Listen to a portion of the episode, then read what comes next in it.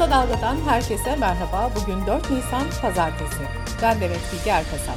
Gündemin öne çıkan gelişmelerinden derleyerek hazırladığımız Kısa Dalga Bülten başlıyor. Muhalefet erken seçim talebinde iktidar da seçim 2023 Haziran'da yapılacak söyleminde ısrarını sürdürürken Yüksek Seçim Kurulu 3. ihalesini yaptı. Devlet Malzeme Ofisi YSK'nın ihtiyacı doğrultusunda 23 Mart'ta iki farklı ihaleye çıkmıştı. İlk ihale yalnızca oy verme kabininden oluşmuştu, ikinci ihale ise kırtasiye malzemesi adıyla yayımlanmıştı. Cumhuriyet gazetesinden Mustafa Çakır'ın haberine göre Devlet Malzeme Ofisi yeni bir ihale ilanı daha yayınladı.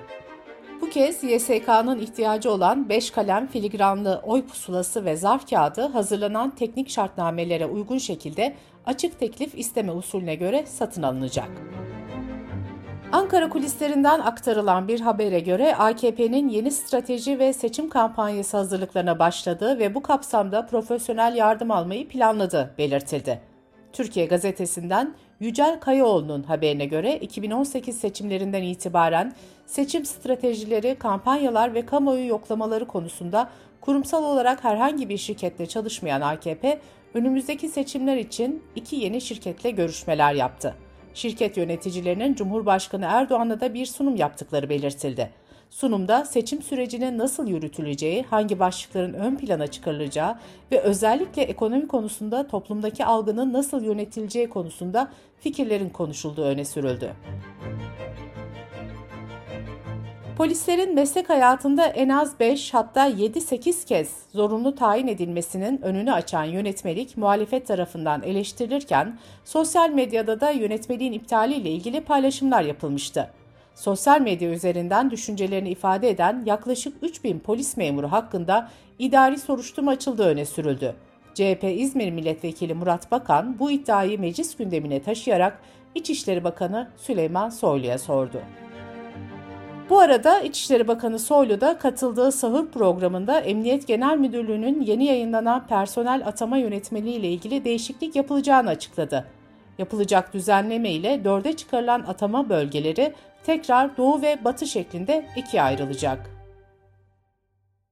Türkiye'de bahar sevinci kısa sürdü. Meteoroloji Genel Müdürlüğü 49 kent için turuncu ve sarı kodlu uyarıda bulundu. Yurt genelinde etkili olan yağış ve kuvvetli rüzgar nedeniyle ulaşımda ve günlük hayatta yaşanabileceklere karşı vatandaşların tedbirli olmaları istendi. Ayrıca hava sıcaklıkları da kuzey kesimlerde 2 ila 4 derece azalacak.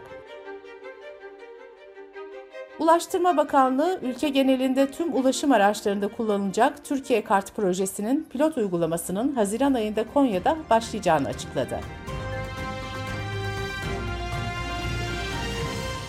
Sırada ekonomi haberleri var. Temel ihtiyaç ürünlerinde KDV'nin %18'den %8'e düşürülmesinin ardından marketteki fiyatların da düşmesi beklenirken, Cumhurbaşkanı Erdoğan'dan fiyatlar konusunda vicdansızlık yaparak milletin aşına, ekmeğine, geçimine göz dikenlere acımayacağız açıklaması geldi. Erdoğan, böyle dönemler hep birlikte fedakarlık yapmamız, ortak geleceğimizi düşünmemiz gereken dönemlerdir, dedi.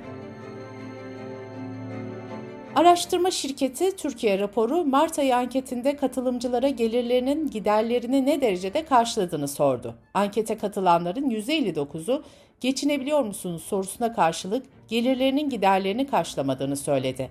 Bu yanıtı verenlerin partilere göre dağılımı ise şöyle oldu. AKP %40.7, CHP %73.4, HDP %88.4, MHP %42.4, ve İyi Parti'de %80.8. Kamu Müteahhitleri Platformu Sözcüsü Ali Adıgüzel, inşaat maliyetlerinin %400-500 gibi oranlarda artmasına rağmen kendilerine %3 ila 5 oranında fiyat farkı verildiğini ve çözüm gelmemesi halinde yüzlerce müteahhidin batacağını söyledi. Adıgüzel, inşaattaki sıkıntının sadece müteahhitleri değil, zincirleme olarak 250'den fazla sektörü, kredi veren bankaları ve 2,5 milyon inşaat işçisini zora sokacağını anlattı. Adı güzel, 30 yıldır bu sektördeyim, hayatımda böyle zam görmedim, dedi.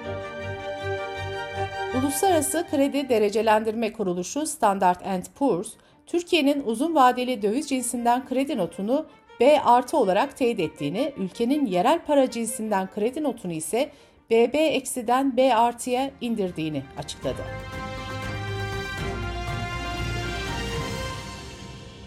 Dış politika ve dünyadan gelişmelerle kısa dalga bültene devam ediyoruz.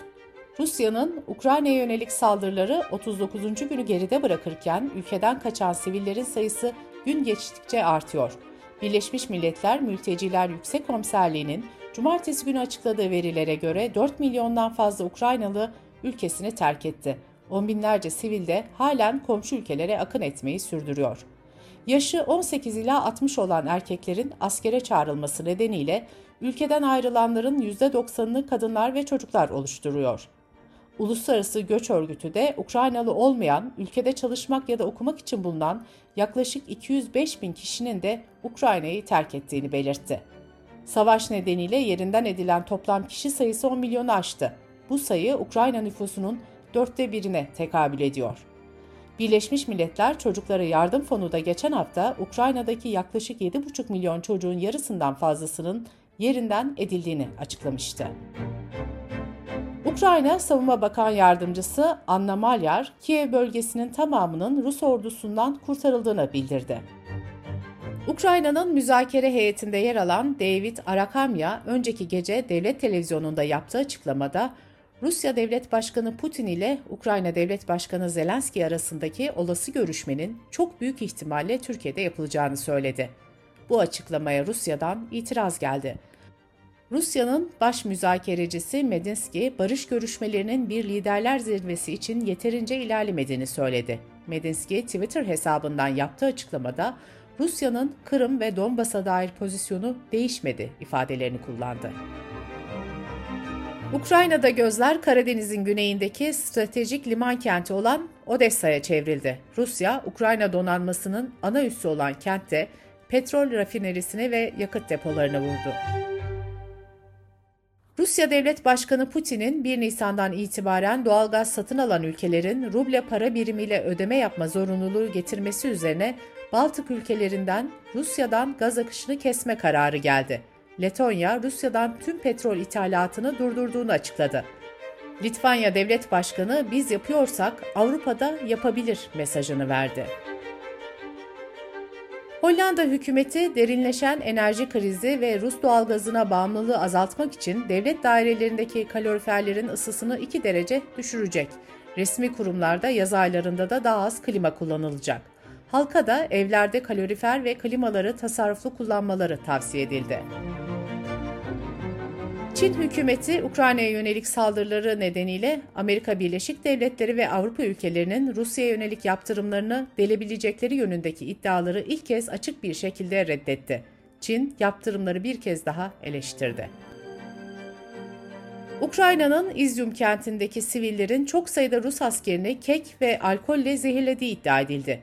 Ukrayna istihbaratının Facebook sayfasından yapılan açıklamada Harkov bölgesindeki kentte iki Rus askerinin öldüğü 500 askerin de alkol zehirlenmesi nedeniyle hastaneye kaldırıldığı öne sürüldü. Pakistan Başbakanı İmran Han'ın görevden alınması için muhalefetin oylama yapılması çağrısıyla başlayan gerilim parlamentonun fesiyle sonuçlandı. Cumhurbaşkanı Arif Alvi, Han'ın çağrısı üzerine parlamentoyu feshetti ve erken seçim kararı aldı. Ülkedeki anayasaya göre parlamentonun feshedilmesi durumda seçimlerin 90 gün içinde yapılması gerekiyor. Amerika'nın Kaliforniya eyaletinin başkenti Sacramento'da silahlı saldırı düzenlendi. Sacramento Emniyetinden yapılan açıklamada en az 6 kişinin öldüğü belirtildi. Açıklamaya göre en az 9 kişi de yaralandı. Bültenimizi kısa dalgadan bir öneriyle bitiriyoruz.